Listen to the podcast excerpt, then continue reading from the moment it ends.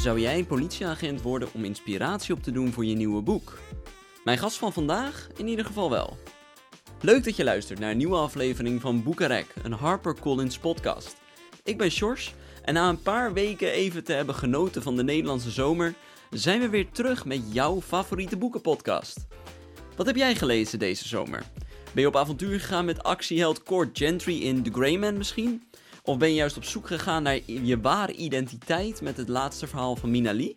Ik hoor heel graag met welke boeken jij je deze zomer hebt vermaakt en natuurlijk ook waarom. Stuur je berichtje naar info.harpercollins.nl en wie weet bespreek ik jouw boeken in de volgende aflevering.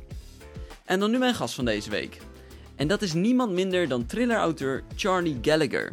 In de UK is hij al wat langer bekend, maar nu is hij dan ook in Nederland met het eerste deel in zijn nieuwe serie verschenen, genaamd De Stille Vriend. Charlie Gallagher wist zijn hele leven al dat hij schrijver wilde worden, maar hij wilde wel iets hebben om over te schrijven. Daarom sloot hij zich aan bij de politie, om daar inspiratie op te doen voor zijn verhalen. Hij werkte als detective bij de Counter-Terrorist Unit en schreef in die tijd veel van zijn ervaringen op. En deze ervaringen kunnen wij nu lezen in zijn nieuwe boek. En hoe dat boek tot stand is gekomen, hoor je nu in mijn gesprek met Charlie Gallagher. Veel plezier! I'm glad to be joined this week on the Boekarek podcast by the author of the exciting new thriller, De Stille Vriend in the Netherlands, Charlie Gallagher. Welcome. Thank you very much. Thank you very much for the opportunity and, for talking to me. Yeah, thank you for joining us. How are you? Uh, very well today. Uh, a little bit um, covered in paint at the moment. I've been painting ceilings uh, this afternoon. So when you're um, when, when we started speaking, it came through on video. I was a little bit surprised and embarrassed at the same time. So my apologies for that. that, that is quite all right. Are you painting your, your own ceilings? My own ceilings, yes. Our bathroom.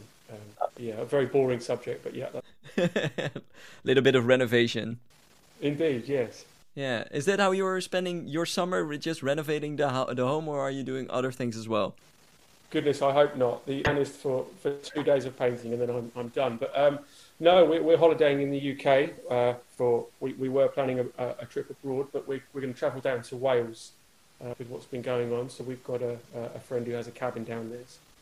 Oh, so yeah, you have something to look forward to this summer. Absolutely. Yeah. Which which um, we haven't had for, for a good 18 months or so. So we're very much looking forward to it. Yeah, yeah, I can imagine. And uh, how, uh, how is how are things going there right now? Is everything just calmed down a little uh, uh, after these 18 months? Yes, I think so. Uh, I think the UK is, is, in the news quite a bit at the moment for our, our vaccination program, which is going um, going great guns over here. So we are hoping that at the end, uh, or a vast improvement at least, is, is very near. Yeah, and is this summer? Is this with with uh, you're going to Wales, but also spending time at home? Is it? Uh, do you have any time to write, or is that put on hold for now? Uh, well, uh, yes, I, I, do make time. I'm very fortunate. I have a very supportive wife uh, who she works full time herself, but um, she can work from home at times. Uh, we do have two children as well, um, aged seven and nine, two two little girls, and obviously they're they're now on, on on break on vacation for the next seven weeks. So that has its challenges. Yeah. But uh, but yeah, I can make time, and luckily I have a job that I can do any time of the day. So if I have to revert to evenings or early mornings as I do, then it's not too much of a problem. You'll uh, squeeze it in whenever you can. That's right. Yeah, that's right. Yeah. So uh, let's uh, start off with a hard question then. Um, if you have to choose between writing and being a police officer, what would you choose? Well, I, I, made that choice, I guess. I, I, was a police officer for, for 13 years, which I guess is the reason for that question. Yeah. And then I, I had an opportunity to write full time. I've been writing alongside that career, and um, I took the opportunity. I, have always dreamed of being a writer um, on a full time basis, and, and I think I would have regretted it the rest of my time if, if I didn't take that opportunity. Uh, it got to the point where I needed to, to be full time. So, um, so yeah, I guess the answer is writer. Right. Yeah. Yeah. And uh, what made you join the police in the first place then, if you wanted to write? Well, writing is is um, is not a guaranteed industry by by any means. It's a very difficult industry to, to break into and to make a living from even even harder. So it was always a hobby. Uh, I've been doing been writing full length novels since I was 17, 18. Most of them were terrible at that time, of course. um, but yeah, I've been writing writing for a while, uh, and I joined the police to get some material which um, I didn't mention that as when I was asked in interview for my reasons for joining. I didn't say that I just wanted more material to write books about. But uh, I thought probably that wasn't the best time to mention it. No. but yeah, I did. I joined it to, to see a bit more of the world. Um, and, and also it, it looked like an exciting, exciting job. And it turned out to be a very good career. I, I enjoyed my time generally. And what, what did you do, uh, did you do as a police officer? Well, I started as a, a response officer, as, as everybody does. That's answering uh, emergency calls uh, and all the variation and, and um, excitement that comes with that job. Uh, and then from there, I spent six or seven years on a, a, specialist search and strike team, which we have in the UK. They're the, the teams that go out and do um, drug warrants, for example. Uh, they also, we, we, were search trained, uh, which means that I've done, as well as drug searches, also will have done murder searches, um, that is for, for, for victims, but also for uh, evidence around when victims are found. Um, so that was that was a, a, a, very interesting job and very specialist and one I enjoyed very much. Uh, and then I did I was a detective for a, for a couple of years, which obviously plays well into the into the writing. Yeah. In my last three years, I think I was I was part of the counter-terrorism um, uh, department or area uh, down in Kent you you've had you had multiple multiple jobs within the in the force.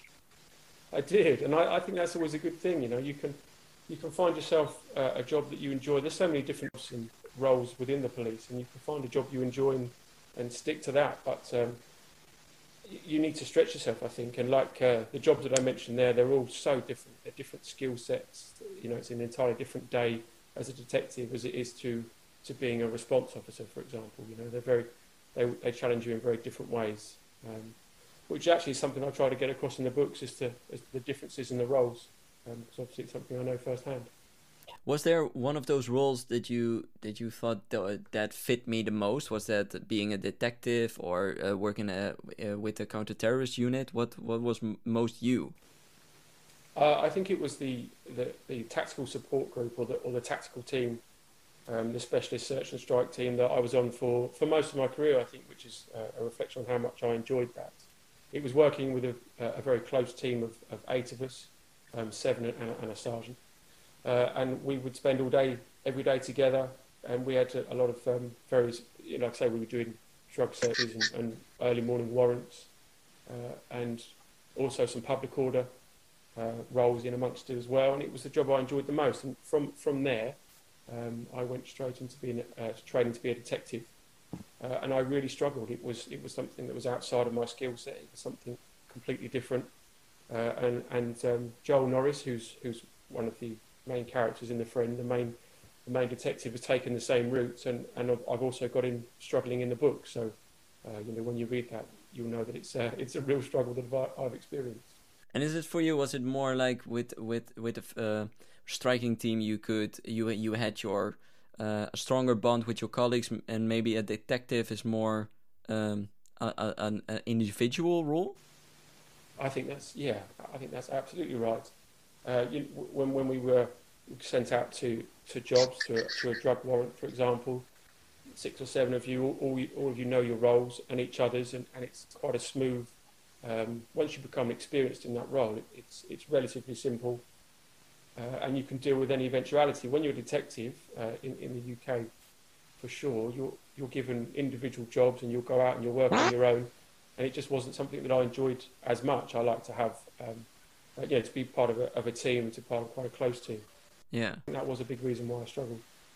And those those uh, days, I mean, the, you you're now a writer. Like you said before, you work mainly from home. Uh, you can uh, decide your own routine, your own rhythm. Um, but as a uh, as in one of those police roles, you uh, I think you see a lot of different things. Maybe not the most pleasant things, uh, a lot, and you take that home. Um, how, did you struggle with that as well? yes, yes, very, very much. Um, being a police officer is very, very, you know, can be a very, very traumatic role. Uh, and I was very, very fortunate. Um, if I can bore you with my childhood, it was immensely happy. I grew up in a little village. I had uh, two parents, uh, blissfully happy, uh, and I lived in this sort of bubble. And then when I when I joined the police, I realised that not everybody has that. You know that there are people with very unhappy childhoods. There are people with very violent childhoods, and, and there are couples out there that are, are violent towards each other. There are, are, nasty people in the world. So it was a real a real eye opener, and, and I think maybe it impacted me a little bit more than than someone that might have seen a bit of life before they joined. Um, I went in very naive. I think that's uh, that's something I, I, would certainly admit, and I think that was another reason why um, I started writing quite so prolifically because it, it shocked me a little, and, and, I wanted to get that across. I think. Yeah. And uh, how did your uh, colleagues react when you decided, well, uh, I want to pursue this dream of being a writer and and uh, stop with being a police officer? How did they react? Uh, they, they, I mean, very supportive. Kent Police, who I work for, were supportive as a whole uh, when I was doing it as a hobby alongside. Um, but yeah, when I when I said this was something I wanted to do, people are very very supportive. Uh, I'd made made it quite clear that it's something I'm very very passionate about, um, and that I always wanted to do as a as a career. Uh, so I think they wish me the very best of luck. There was there were some people that wish they could do something similar. Uh, you know, there were the, the, police force. The UK certainly know, morale is a challenge at the moment. It's a very challenging role. Um, the pandemic has only highlighted just how short of resources the, the UK police are generally, uh, and a lot of people are very stretched. Uh, there's a lot of stress amongst amongst police officers, um, and they're, they're, incredible people. And I think the police attracts a certain sort of person. That is a um, a person that wants to make their their small part of the world a little bit better. You know, uh, and I think those people are the ones that, that take home tragedies that that struggle with when they can't help. Um, because of course there are situations when we're, we're turning up and uh, and we're going to be too late. Uh, so I think um, I think people in general were very supportive. They totally understood my reasons, and there are a lot of people that wish they could go and pursue their own dreams. Yeah, I, and I can imagine that your family was happy too about this choice. They were. I mean, it was. It's it's a gamble. There's no other word for it. I mean, it's working out very well as we speak. Let me let me touch wood while I say that. yeah. um, the, the the move to a far bigger publisher. I was with a UK publisher um, who do, do publish internationally, but they're, they're quite large in the UK prior to moving to HarperCollins. But the move to HarperCollins came around three months after I, I, I, left the police, and of course, they're one of the biggest publishers in the world, so it, it does feel like it was kind of meant to be. Um, uh, and yes, my family are uh, delighted that I'm following my dreams, but of course, I have a wife, a children, and, and the bills and, and mortgages and things that come with that, so it needs to be a success. Yeah, and you said you you were writing alongside that job. What what kind of stories were you writing? Were those already police stories? Uh, yes, I mean all. I, I, I, think this will be the friend is my sixteenth published book. Um, first with HarperCollins, the prior the, the two before the sorry the, the fifteen books before were part of two different series of, of crime thrillers. Um, I did write some crime stories before I joined the police. Um, nothing come of those uh, mainly because I didn't have the experience, I guess, and, and, they didn't have the authenticity that I'm able to put into the books now. Um, uh, the first one that I I did publish after joining the police was a bit of a rework of one that I'd started before, but I'd always always been interested in crime and crime stories, uh, and, and, obviously that was something that I I really um, increased when I when I joined the police. Yeah, and, and uh, you said before that that the main character in your books uh, so, really uh, resemble the, the way you experience being a police officer, and um, is is that something uh, that you use uh, writing your story? You really dig into your own experiences being a police officer. Yes, absolutely. Certainly, my, my experience is that What the police, um, what I, what I expected from the police was was ideas for stories, uh, and actually that, that didn't really happen. It, it, it more the the use of being in the police for that amount of time was seeing characters and seeing sort of people at, at, at, the extremes of their emotions. So, so I saw people at their at their happiest, at their their um, most desperate, at their saddest, and at their most joyful when we were giving them good news. And I think that's that really feeds over into the stories, and I do try and um, try and recreate that in in the words that I write.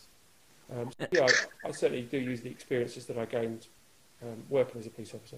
Yeah, and uh, are there any cases uh, you handled during your time that uh, st stuck with you and you maybe want to write about? there are. There was. There are specific cases, and I, I've, I've pinched.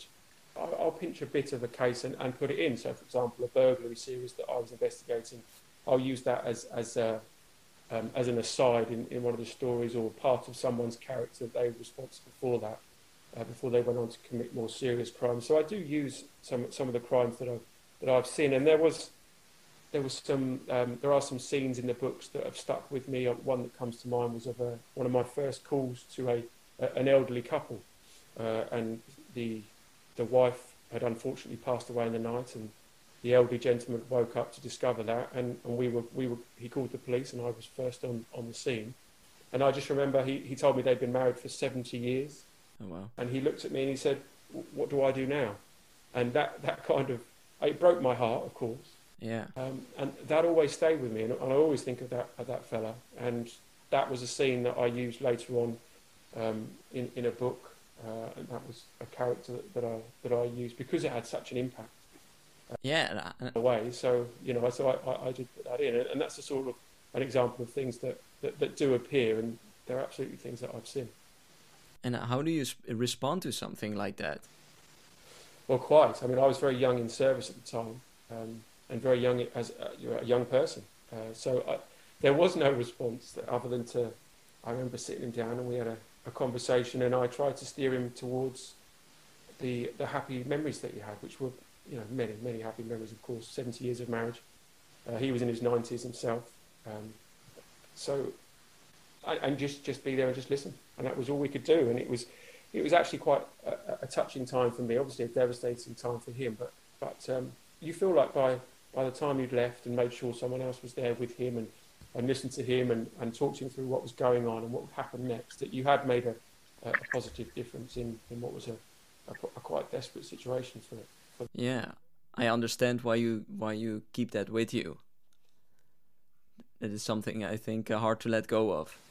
It, it really is, and there's there's any number of examples of, of those things. And I did find that that I think you you go around sort of collecting a little bit of everyone's sadness, and you can't help but, but do that. And I think police officers, you know, when you see them out and about, I always I always buy a police officer a coffee now if I see him in a queue or if I see him in a in a town centre, um, and, and the ambulance staff as well. You know, if ever I see them, I'm I quite often work in coffee shops. I'll always make sure to buy them a coffee, and, and I'd im- implore anyone to do the same. They've you never know what sort of a day uh, the emergency services have, have had. You know, I've walked out of um, some pretty horrific things, and a coffee shop is, is quite a common place. You go somewhere neutral. You don't necessarily go straight back to the police station.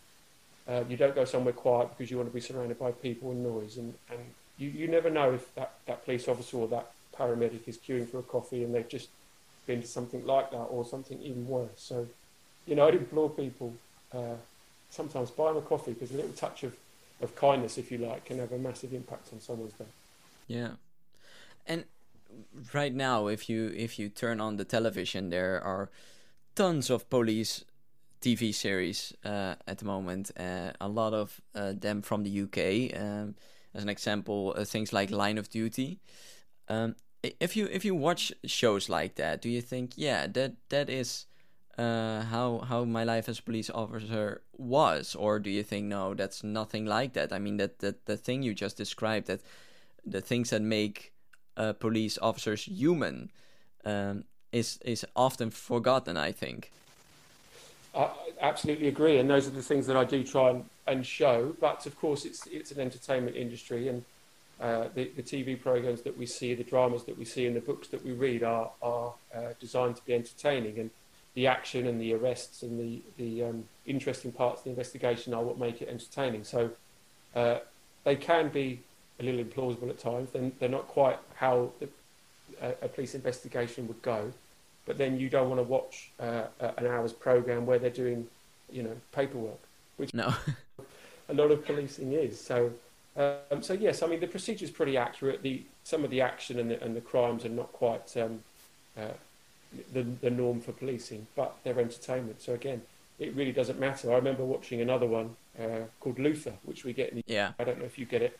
Yes. Just superb um, and totally wrong oh. your point of view, uh, uh, and almost to the point of uh, a little bit ridiculous at times. But it never mattered because you know me and my wife, who was a police officer for 10 years too. We both thoroughly enjoyed that program, you know. So it, it really doesn't matter. It's not frustrating for you to watch. Yeah. Yeah, we don't actually watch too many of the police um, dramas for obvious reasons. I mean, when certainly when I was when I was working as a police officer and I was coming home and writing, and normally two or three hours a day, I, I would try and cram in at least. Uh, you know, the last thing I wanted to do was watch a, a crime drama yeah. after after that day. Yeah. Okay. So many, but uh, I, I do still watch some, mainly just to see what's popular at the moment. You know? Yeah. And as for my final question before I let you go, if you could go back in time and give your 18 year old self uh, some advice, what would you tell him? Goodness, what a great question. I mean, there's, there's nothing that I would change. I have no regrets. I certainly don't regret joining the police, and it, it made me the person that I am, but also, uh, you know, the writer that I am. And I don't think this would have happened without the other. I don't think the writing career would have happened um, without the policing. I, I think just be a little bit more arrogant uh, about your work.